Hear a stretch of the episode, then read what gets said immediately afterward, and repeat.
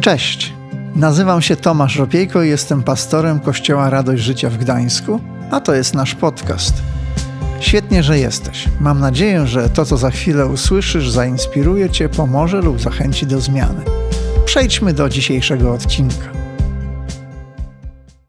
Dziękuję, kochani, e, rzeczywiście przed nami dzisiaj ostatnia odsłona.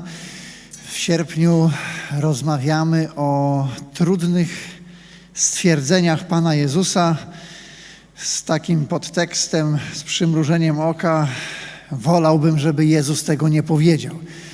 Więc zobaczymy, jak to dzisiaj będzie e, z tym naszym tematem. A podczas dzisiejszego rozważania dotkniemy bardzo delikatnej i intymnej materii naszego życia, o czym w niedzielę bardzo rzadko mówimy.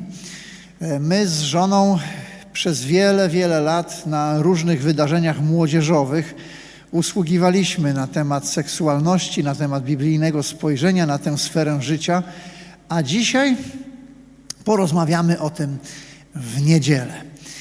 Nasz tekst pochodzić będzie z Ewangelii Mateusza, z tak zwanego kazania na górze.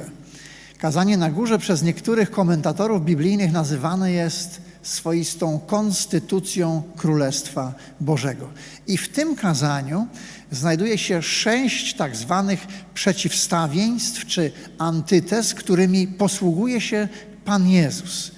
Konfrontuje ówczesną interpretację zapisów prawa, czyli tory, tego co Bóg nadał swojemu ludowi i pokazuje prawdziwą intencję, jaka Bogu przyświecała, gdy to prawo nadawał. Pan Jezus w swoich wypowiedziach nie obala prawa, nie kwestionuje go, ale oddaje, tak jak powiedziałem, jego prawdziwą intencję. Tak więc, kochani, zajrzyjmy do Ewangelii według świętego Mateusza. Piąty rozdział czytamy od 27 wersetu. Wiecie, że powiedziano, masz nie cudzołożyć. Ja wam natomiast mówię, każdy, kto porządliwie przygląda się kobiecie, już w swoich myślach dopuścił się cudzołóstwa. Jeśli Twe prawe oko przywodzi Cię do upadku, wyłup je i odrzuć daleko od siebie. Więcej zyskasz, gdy stracisz jeden z Twoich członków, niż gdy postradasz całe ciało w miejscu wiecznej kary.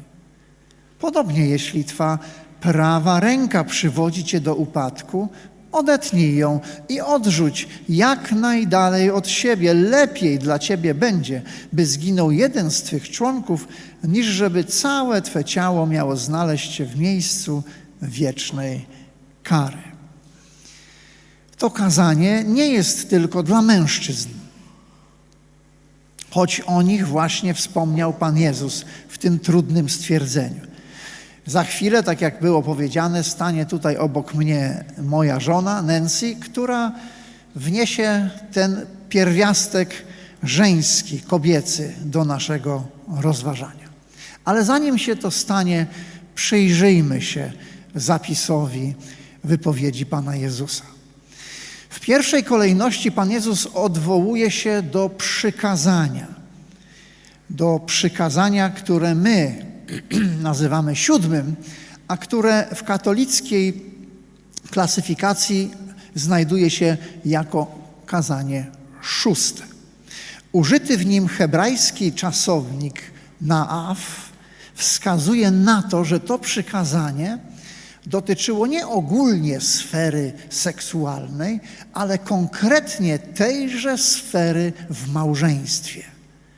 Otóż termin cudzołożyć w języku Starego Testamentu i później też Nowego znaczył tyle, co współżyć z cudzą żoną albo narzeczoną, albo cudzym mężem lub narzeczonym. W tamtej kulturze bowiem narzeczeństwo było traktowane niemalże na równi z małżeństwem i tak poważnie do niego podchodzono. Mąż i żona przez pismo traktowani są jako wzajemna własność, gdy ludzie świętując swoją miłość przyrzekają sobie, składając przysięgę małżeńską, to oddają siebie całego nawzajem sobie. I ten, kto popełnia cudzołóstwo, jakoby okrada współmałżonka. I co ciekawe, dziesiąte przykazanie mówi o pożądaniu. O pożądaniu różnych rzeczy. Jest nie pożądaj domu bliźniego, sługi bliźniego, ale tam między innymi pojawia się zwrot nie pożądaj żony bliźniego swego. Co więc znaczy słowo cudzołóstwo w naszym polskim języku? No właśnie, gdy popatrzymy na to słowo, to etymologicznie oznacza ono kłaść się do cudzego łoża. Cudzo łożyć, czyli kłaść się do cudzego łoża małżeńskiego w domyśle. Dlatego niektórzy, aby lepiej może przyswoić znaczenie tego przykazania, proponują jego taki zapis: Nie łam wierności małżeńskiej. Taka dygresja dotycząca y, dzieci. One mają swoją interpretację tego e, przykazania i podejrzewam, że niektórzy rodzice po tym kazaniu będą mieli fajne rozmowy ze swoimi dziećmi. E, bo dla dzieci czasami to przykazanie brzmi nie cudzousz, czyli nie podsłuchuj, bo to są cudze uszy. E, czasami różne rzeczy się zdarzają i dzieci mają bardzo ciekawe interpretacje. Wróćmy jednak do spraw natury poważniejszej. Cudzołożników czekała surowa kara. W prawie było napisane, że oboje, on i ona, przyłapani, poniosą śmierć. Na ile ta kara była rzeczywiście praktykowana w Starym Testamencie, na ile w czasach Pana Jezusa, tego tak naprawdę nie wiemy. Pan Jezus kontrastuje tłumaczenie czy interpretację tego przykazania, jaka panowała wśród ludzi czy liderów religijnych jego czasów, z Bożym zamiarem. I tak uczeni w piśmie i faryzeusze, bo to byli ci liderzy religijni, którzy nadawali ton, oni ograniczali cudzołóstwo do fizycznego aktu współżycia z czyimś współmałżonkiem. Powiadali, że tak długo jak nie poszedłeś do łóżka z cudzą żoną albo cudzym mężem, przykazanie nie zostało złamane. Pan Jezus jednak, jak to ma w zwyczaju, sięga głębiej, sięga do naszych serc zwraca uwagę na samo pragnienie, na postawę serca, bo Bóg nie jest tylko zainteresowany czystością czy świętością naszego postępowania, ale także naszych wnętrz, naszego serca. I Pan Jezus daje nam do zrozumienia w ogóle, że w tych wszystkich antytezach, że, że Boże prawo dotyka serca tu nie chodzi o to, będziemy, byśmy mogli, tak jak dzisiaj współcześnie czasami się dzieje, że ludzie na paragrafy jakoś kombinują, jak tu obejść, żeby to przejść i tam przejść. Pan Jezus mówi, tu nie o to chodzi. Kwestia kryje się w sercu. Bo świętość to nie jest kwestia robienia czegoś albo czegoś robienia. Nie robienia albo robienia. Jest to przede wszystkim stan naszego serca. Pan Jezus na innym miejscu powie, że to właśnie z serca pochodzi wszystko to, co ma wpływ na nasze postępowanie, albo dobre, albo złe. I w biblijnym języku serce to jest nasz swoisty, czy nasze swoiste takie centrum dowodzenia siedlisko naszej woli, naszych myśli, źródło naszego postępowania. To z niego biorą się dobre albo złe rzeczy. I prędzej czy później to, co jest w naszym sercu, wyjdzie na jaw. Tak jak rdza przeżre lakier karoseli. Bóg pragnie nas całych. Nie chce, żebyśmy stwarzali niedzielne, święte pozory i na zewnątrz się pięknie prezentowali niedzielnie, ale nasze serca by były dalekie od Niego i pełne grzechu i brudu. Bóg chce, abyśmy cali należeli do Niego, dlatego mówi do Ciebie i do mnie: daj mi swoje serce. Tak jak słyszeliśmy w jednej z części naszego rozważania sierpniowego, pozwól mi usiąść za kierownicą Twojego życia. Pan Jezus, stosując tę antytezę, mówi: Ja Wam natomiast powiadam, ja Wam mówię, każdy, kto porządliwie przygląda się kobiecie, już w swoich myślach dopuścił się cudzołóstwa. Powiada, że to przykazanie nie cudzołóż można złamać już porządliwie patrząc na kobietę, porządliwie się jej przyglądając.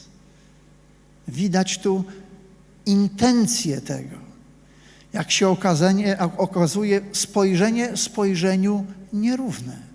Bo mężczyzna może patrzeć na kobietę, doceniać jej piękno, ale przy tym wcale jej nie pożądać.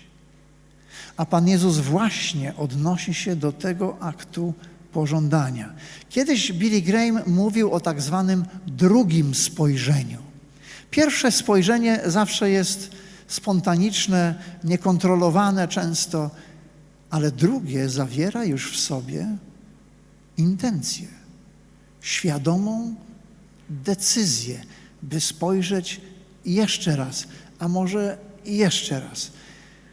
Pan Jezus mówi tutaj o tej świadomej intencji pożądania, więc każdy, kto świadomie przygląda się kobiecie, pożądając jej, pragnąc współżyć z nią, już złamał przykazanie i w swoim sercu popełnił grzech cudzołóstwa. Życie zna wiele dramatów, które miały swój początek w porządliwym spojrzeniu. W Starym Testamencie, w drugiej księdze Samuelowej, znajdujemy chociaż dwie historie o Dawidzie i Batrzebie. Gdy Dawid dostrzegł piękną Batrzebę, jeśli ktoś nie zna tej historii, zachęcam, by ją odnaleźć. A druga, którą tam możemy znaleźć w tej księdze, to historia Amona i Tamar. Obydwie dramatyczne, obydwie niezwykle bolesne, pociągnęły za sobą straszne konsekwencje, a wszystko zaczęło się od porządliwego spojrzenia. Przekazanie nie cudzołóż dotyczy zarówno mężczyzn, jak i kobiet, ale zwrot, którego tutaj użył Pan Jezus w tej antytezie, o porządliwym patrzeniu jest zasadniczo skierowany do mężczyzn. Dlaczego? Nie jest to, myślę, wielką zagadką, bo wynika z faktu, iż mężczyźni w głównej mierze pobudzani są seksualnie przez to, co widzą, na co patrzą, czy na kogo patrzą. Kobiety w sumie od momentu stworzenia robią niewyobrażalne wrażenie na mężczyznach. Co z kolei spotyka się z faktem, że kobiety bardzo lubią być podziwiane. Dlatego to, jak kobieta wygląda, jak jest ubrana, a szczególnie gdy nie jest ubrana, potrafi na mężczyźnie zrobić ogromne wrażenie. To, co mężczyzna widzi, wysyła mu impuls do puszczenia wodzy wyobraźni. Ale to, co mężczyzna zrobi z tym impulsem, to jest tylko i wyłącznie jego odpowiedzialność. Wypowiedź Pana Jezusa uderza w sam punkt. trafia doskonale w dziesiątkę i pokazuje, na co mężczyźni powinni przede wszystkim zwracać uwagę. Ponieważ mężczyźni są tak zwanymi wzrokowcami, dlatego też oni mają większy problem na przykład z pornografią niż kobiety. Badania przeprowadzone w Polsce kilka lat temu wykazały, że w grupie wiekowej od 18 do 30 lat z pornografii raz w tygodniu korzysta przynajmniej 80% mężczyzn i 30% kobiet. W Polsce przeciętnie 30% użytkowników portali pornograficznych stanowią kobiety, a 70% mężczyźni. Są tacy, którzy od porządliwego patrzenia są uzależnieni, nie dają sobie z tym rady. Pojawiają się nowe jednostki chorobowe, starające się ogarnąć to zjawisko, ogarnąć ten problem. Bo warto mieć y, w pamięci, że Pan Jezus, wypowiadając swoje słowa, wypowiadał je w zupełnie innej kulturze niż nasza. Jakże konserwatywnej, gdzie nie było dostępu do tego wszystkiego, do czego my dzisiaj mamy taki dostęp. Dlatego, kochani mężczyźni, jako sam będąc mężczyzną, chcę powiedzieć do nas tak. To, na co patrzymy, to, na kogo patrzymy, to, w jaki sposób patrzymy, jest tylko i wyłącznie naszą odpowiedzialnością. Na nikogo innego tej odpowiedzialności nie możemy zrzucać. I do nas Pan Jezus kieruje te słowa. I jakże pomocne wydają się słowa, które są zapisane w księdze Hioba w 31 rozdziale, jest to werset pierwszy. Hiob zrobił coś niezwykłego. Powiada tak: Zawarłem przymierze z moimi oczami. I cóż, czy mam patrzeć porządliwie na dziewicę? Biblia Warszawska, czyli to troszkę starsze tłumaczenie, tak oddaje ten fragment. Zawarłem umowę ze swoimi oczyma, że nie spojrzę porządliwie na Pannę. Zawarłem umowę, zawarłem przymierze z moimi oczami, aby nie patrzeć porządliwie. A jak to jest z kobietami? Obiecałem, że pojawi się tu Nancy i zaraz tutaj do nas właśnie przyjdzie i już się wybiera do nas. Do mężczyzn Pan Jezus powiedział: Kto porządliwie patrzy na kobietę, już popełnił z nią w sercu cudzołóstwo. A jakby mogło brzmieć stwierdzenie skierowane do kobiet? Jak kobiety funkcjonują w tej sferze? Z czym one potrafią się zmagać. O tym opowie Nancy. To, co możemy powiedzieć, że może inaczej ten y, change werset dla kobiety może brzmieć. Każda, która fantazjuje o związku i miłości, już w swoich myślach dopuściła się cudzołóstwa.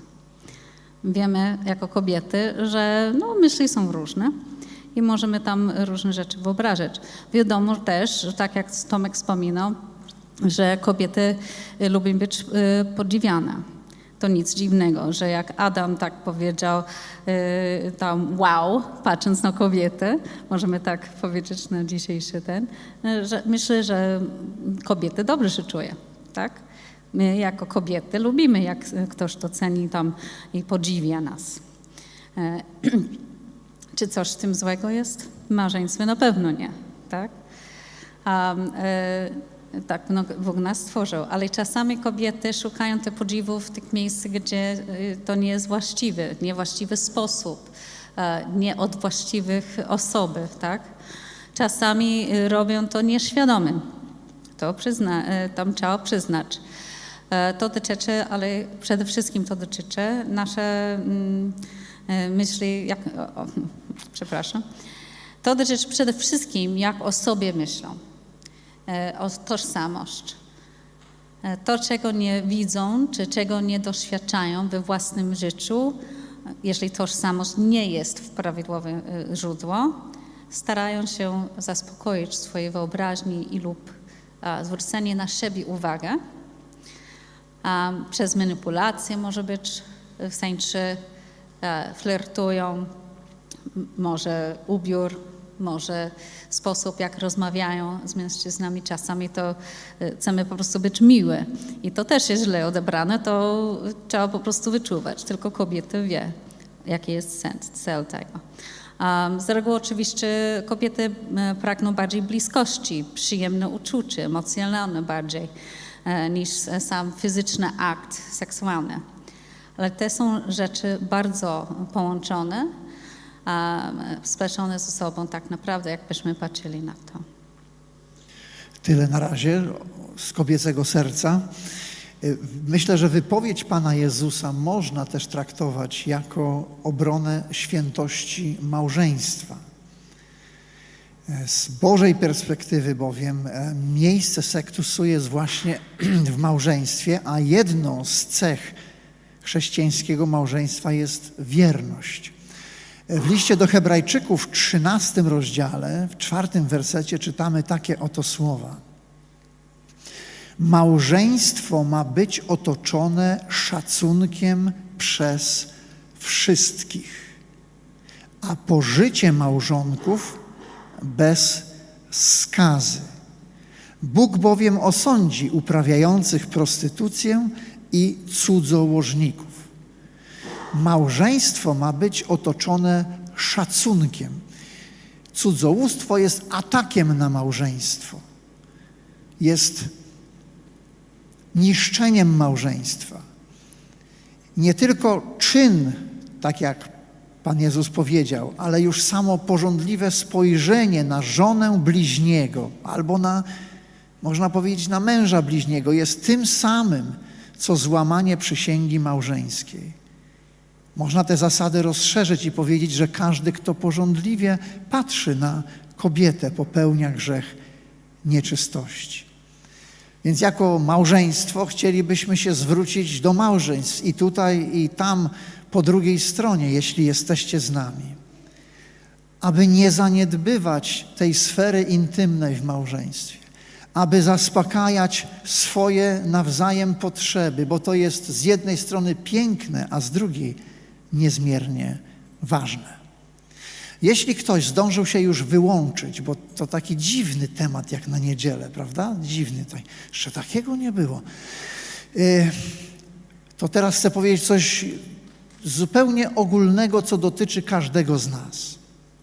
Bo gdy patrzymy na te słowa Jezusa, możemy powiedzieć przynajmniej o dwóch ważnych obserwacjach dotyczących tego, jak funkcjonuje grzech w naszym życiu. Po pierwsze, Pan Jezus wskazuje na to, że grzech jest subtelny, że nie zawsze go widać, że on potrafi przyodziać się, czy tak się zakamuflować, że go nie widać. Często grzechy dotyczące tej sfery, ale i każdej innej, popełniane są w ukryciu. Na zewnątrz niby wszystko jest ok, wszystko ładnie wygląda, ale co jest w środku? Chrześcijanin może w niedzielę wyglądać odświętnie, ale jeżeli jego serce jest pełne grzechu i brudu, cóż mu po tym? To pierwsza myśl. Druga jest następująca. Pan Jezus mówi tutaj o wypaczającym i niszczącym działaniu grzechu. Seksualność jest czymś pięknym. Jest pięknym darem od Boga danym nam, ludziom, aby sprawiać nam wiele radości, ale także, by potem był czas, by się modlić o, o dzieci, błogosławić je. I to, co Bóg zamierzył jako dobre, grzech wykorzystuje ku złemu. Pomyślmy przez chwilkę. Ile jest bólu związanego z tym, że ktoś niewłaściwie podchodzi do tej sfery życia? Ile bólu zostało zadanego, ile cierpienia, ile nadużyć, ilu ludzi zostało pozbawionych godności i wykorzystanych. Ile dramatów się rozegrało i rozgrywa ze względu na odbiegające od Bożej woli podejście do tej sfery. Grzech zawsze niszczy. Co więc zrobić, gdy pojawia się problem? Co więc zrobić, gdy pojawiają się rzeczy, których nie chcemy w naszym życiu, które nas wyniszczają? I o tym jest czy właściwie są te dwie króciutkie przypowieści, które kończą wypowiedź Pana Jezusa o prawym oku i o prawej ręce. Co ciekawe, w tamtych czasach prawa strona, czy prawa oko, prawa ręka zawsze były ważniejsze, czyli one mówią o czymś ważnym. I gdy Pan Jezus mówi o odcinaniu prawego, znaczy prawej ręki, czy wydłubywaniu prawego oka, nie ma na myśli tego, byśmy rzeczywiście to fizycznie robili ale mówi o tym, że czasami w walce z grzechem w naszym życiu musimy zastosować drastyczne środki. Przesłanie tych przypowieści jest bardzo proste. Wykorzeń ze swojego życia wszystko, co prowadzi cię do zguby. Odetnij to. Nie można zwalczyć chwastów w ogródku obcinając tylko kwiatki. Trzeba wyrwać korzenie. I podobnie jest z grzechem, podobnie z rozwiązywaniem wszystkich innych problemów w naszym życiu. Innymi słowy, jeśli wiesz, że coś wprowadza grzech do Twojego życia, odetnij to. Jeśli tego nie zrobisz, możesz stracić wszystko. Czasem w walce z grzechem będzie trzeba zrezygnować z czegoś ważnego, ale Pan Jezus mówi: lepiej jest się czegoś pozbawić, niż korzystać z tego za życia ziemskiego, a stracić życie wieczne. Bez względu na to, jak cenne to coś dla Ciebie jest, jeśli to Ciebie trzyma w niewoli, jeśli to Ciebie odciąga od Boga, jeśli to wyniszcza Twoje życie, Pan Jezus dzisiaj Tobie mówi: odrzuć to. I może zwróciliśmy uwagę na to, tam było, gdy wydłubiesz to oko, to było napisane odrzuć daleko. Jeżeli odetniesz to, to odrzuć daleko, żeby utrudnić powrót tego do Twojego życia. No co to może być? Dzisiaj to jest coś innego niż było kiedyś. Dzisiaj na przykład problemem jest internet. To pytanie może brzmieć tak. Co jest lepiej? Minąć się z niebem z internetem, czy wejść do nieba bez internetu? Drastyczne cięcie. Pastorze, ale jak tu żyć bez internetu? Przecież to się w ogóle nie da. Kiedyś nie było. No dzisiaj rzeczywiście bardzo trudno by było. Ale nie trzeba może z całego internetu rezygnować. Dzisiaj są różne blokady. Jeżeli ciebie gdzieś tam ciągnie w jakieś, można jakieś aplikacje pomontować, poinstalować, zablokują, że nikt nie będzie miał dostępu na jakieś tam strony, które niszczą. Albo taki Netflix. Jeżeli Netflix jest dla ciebie problemem, czy wytwarza problemy, zbliża się koniec miesiąca, zrezygnuj to co jest lepsze, żyć z Netflixem i mieć te problemy wszystkie, czy żyć bez Netflixa i mieć życie z Bogiem czyste i święte? Każdy z nas jest w jakiejś sferze kuszony, każdy z nas ma swoje inne. Diabeł wie dokładnie, gdzie nas złapać. Czy to będzie okładka czasopisma, czy jakaś strona internetowa, czy jakaś kobieta w centrum handlowym, czy jakaś jakiś przystojny współpracownik w pracy, czy koleżanka z pracy, cokolwiek. Różne są scenariusze. A sytuacja wygląda zachęcająco. I ten szept. Spróbuj, spróbuj. Przecież nikt się nie dowie. nic się nie stanie. No właśnie. Czy się nikt nie dowie? I czy się nic nie stanie? Odpowiedzi na te pytania pozostawiam każdemu z nas. Czasami to zniewolenie czy pożądanie, bo w ogóle seksualność potrafi być niezwykle silną siłą, nie, niezwykłą moc posiadać. I to związanie jest tak silne i tak mocno kogoś trzyma w swoich szponach, że on nie jest w stanie sam się z tego wyrwać. Prawda jest taka, że grzech potrafi doprowadzić do człowieka do takiego wyniszczenia, że nie może sam na siebie w lustrze patrzeć. Jest obrzydzony sobą, wstydzi się innych wierzących, brzydzi się samego siebie. Po prostu jednym słowem, mówiąc przymrużeniem oka, komfortowa sytuacja. Ale moc grzechu często drzemie właśnie w jego ukryciu. Gdy wyprowadzamy grzech na światło, on traci moc. Jeżeli się zmagasz w tej sferze, zachęcam Ciebie serdecznie. Nie walcz w samotności. Znajdź kogoś, komu ufasz.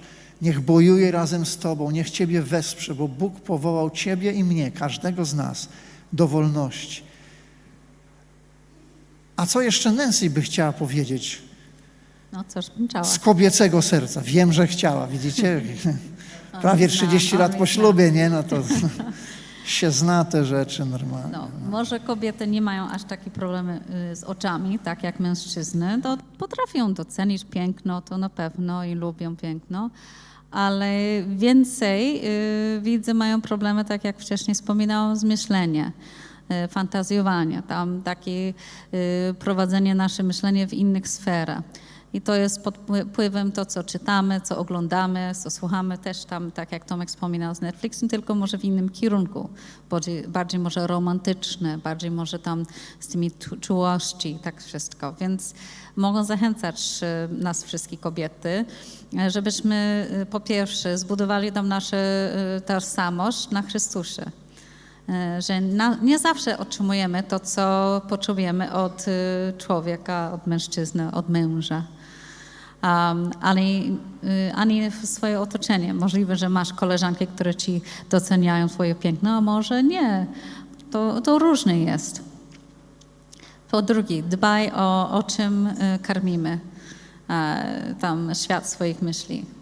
Co czytamy, czasopismy, książki romantyczne tak dalej, filmy, co oglądamy, taki romantyczny też może niekoniecznie może być tam taki te sitcomy tam, gdzie tam się śmieją z tych sfery, to też wpływa na nasze myśli. E, muzyka, tam co słuchamy, to nie wiem, czy ktoś lubi tam słuchać jakiejś romantycznej muzyki, a potem wyobraźnie zaczyna tam, wiesz, po prostu trzeba wiedzieć co i obciąć, jeżeli tam źle wpływa na ciebie. Nie mówię, że nie oglądasz, nie mówię, że nie słuchać, ale bądź świadomy, co E, jak twój e, umysł tam działa i funkcjonuje. Um, I po trzecie, pilnuj, pytaj siebie, czy te myśli są właściwe? Co naprawdę mam na myśli, kiedy e, się tak zachowuję albo kiedy to robię? Czy chcę imponować, zwrócić na siebie uwagę? Jak Bóg na to patrzy faktycznie? Żeby pomóc kobiety, też chcę wrócić tam trochę kilku słów do mężczyzn, bo tak jak y, też wspominano, że kobiety lubią być podziwiane, że, żeby wiedzieć, że oni są piękne. Więc to tylko, nie tylko mężczyzny jako męże, ale też to tatę. E, chcę zwrócić tę uwagę, że no, najlepiej jak oni tam podziwiali, żeby e, kobiety mogły się czuć jak tak jakby najpiękniejsze kobiety w ich świecie. Um, troszczy się o ich fizyczne y, potrzeby, te czułości, tę delikatność. Pójść na randkę y, i tak z żoną, nawet nie tylko przed ślubem, tam jak y, ten, ale po ślubie. Tak samo taty z córkami. Warto pójść na randkę. To możemy zachęcać tutaj, żeby Nina mogła z tatą pójść ta na randkę, żeby one mogły się uczyć, jak powinno wyglądać randka i mogą odróżnić to, co jest prawidłowe i co nie jest. Jak to będzie wypełnienie tam radka z mężem, żeby kobieta nie musiała szukać u kogoś innego tam jakieś te potrzeby swoje, żeby dopełnić.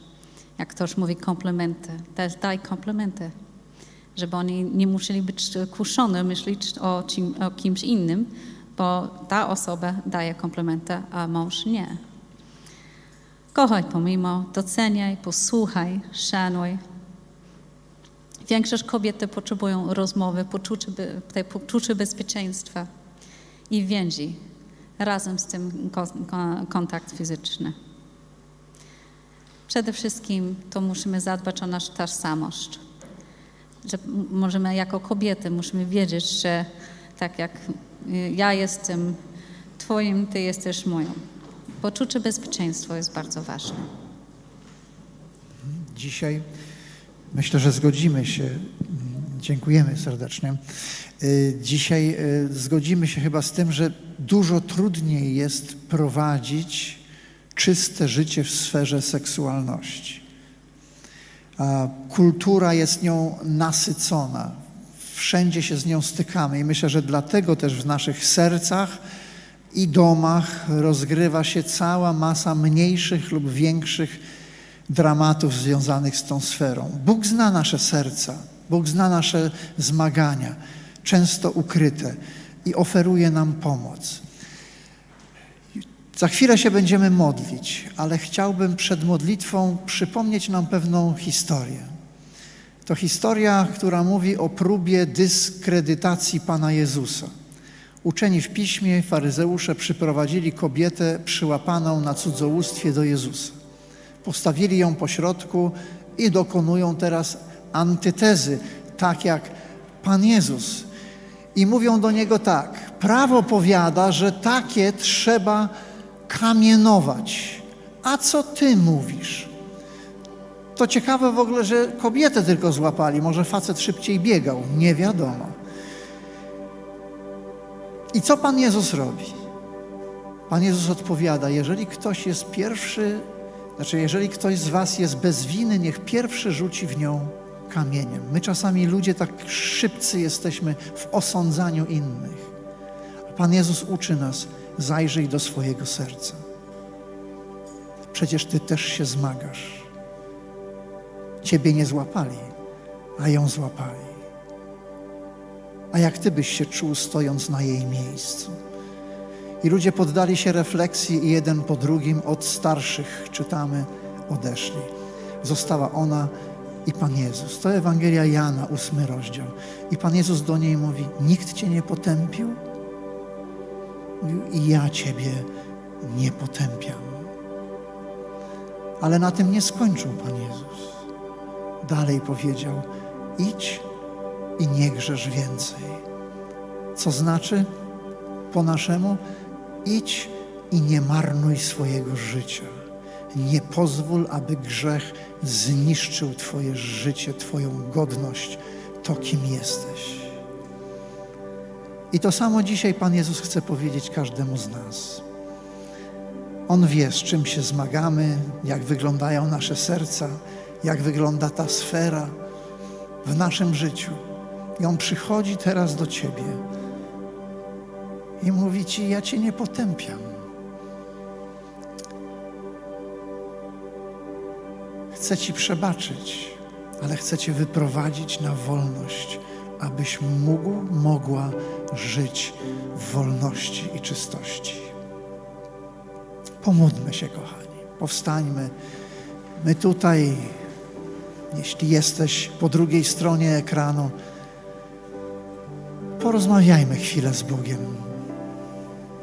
Pomódlmy się razem.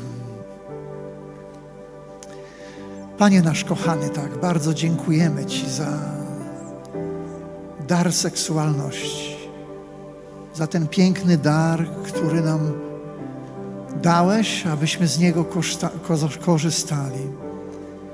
Dar, który przewidziałeś dla małżeństw. Dlatego jako małżeństwo prosimy Ciebie teraz o małżeństwa, by były w szacunku u wszystkich byś umacniał nasze małżeństwa, byś pomagał nam dbać o każdą sferę, także tę intymną w naszych związkach. Byśmy mogli zaspokajać swoje potrzeby w tej kwestii również. Panie, powierzamy Ci tę sferę naszego życia.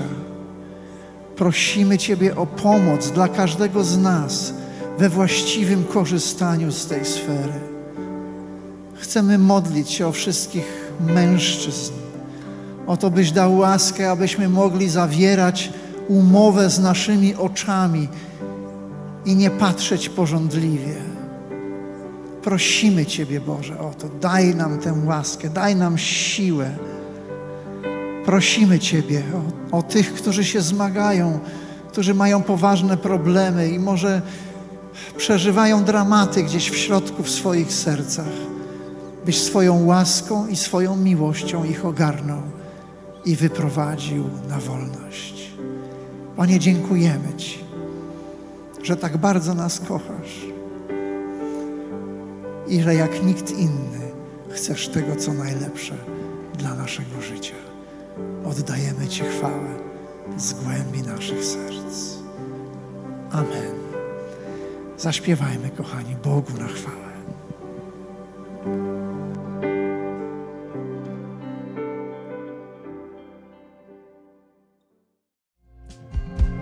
Dzięki, że zostałeś z nami do końca. Pamiętaj, że odcinki pojawiają się w każdy poniedziałek o 18. Jeśli chcesz dowiedzieć się o nas więcej, to wejdź na stronę kazetgdańsk.org. Do usłyszenia.